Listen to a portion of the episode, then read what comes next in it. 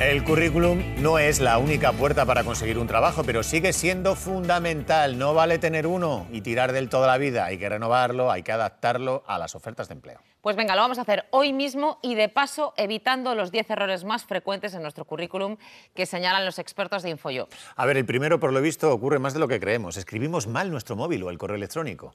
Si no pueden dar con nosotros, mal vamos. Antes de hacer clic sobre enviar, revisemos. El segundo error es dar datos de todos los empleos que hemos tenido. Mejor incluimos los que tengan que ver con la oferta que nos interesa y pasamos del resto. Si no lo hacemos así, podemos cometer el error número tres, que es extendernos más allá de un folio o dos como mucho. Acuérdense del estudio que decía que un seleccionador dedica seis segundos de media a leer cada currículum, al grano.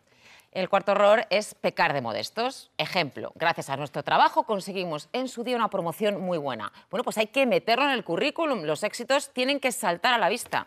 Si no saltan es el quinto error. Y la solución es tan sencilla como subrayarlos o ponerlos en negrita. Lo mismo haremos con la experiencia y la formación que cuadren con la oferta. El error número 6 habla de otros requisitos. Por ejemplo, si piden disponibilidad horaria y la tenemos, pues lo tenemos que poner.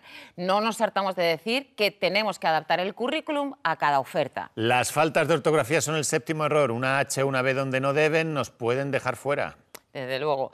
El octavo es emocionarse dando demasiada información personal, como esa afición mía a hacer todo tipo de ñapas en tela o cuero, que está fenomenal para irme a una mercería o a maestros de la costura. Pero si no suma es que resta espacio y mejor nos lo ahorramos. Y ese espacio del currículum que no esté anticuado ni aburrido, si no caemos en el noveno error.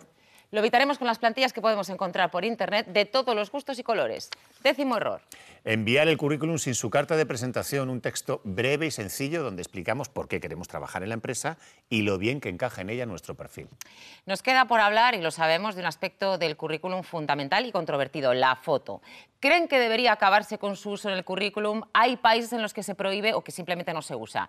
¿Creen que la foto aporta o que discrimina? Pues venga, voten en nuestro Twitter y sobre todo opinen. En todo caso, tengan el currículum a mano porque ya están aquí las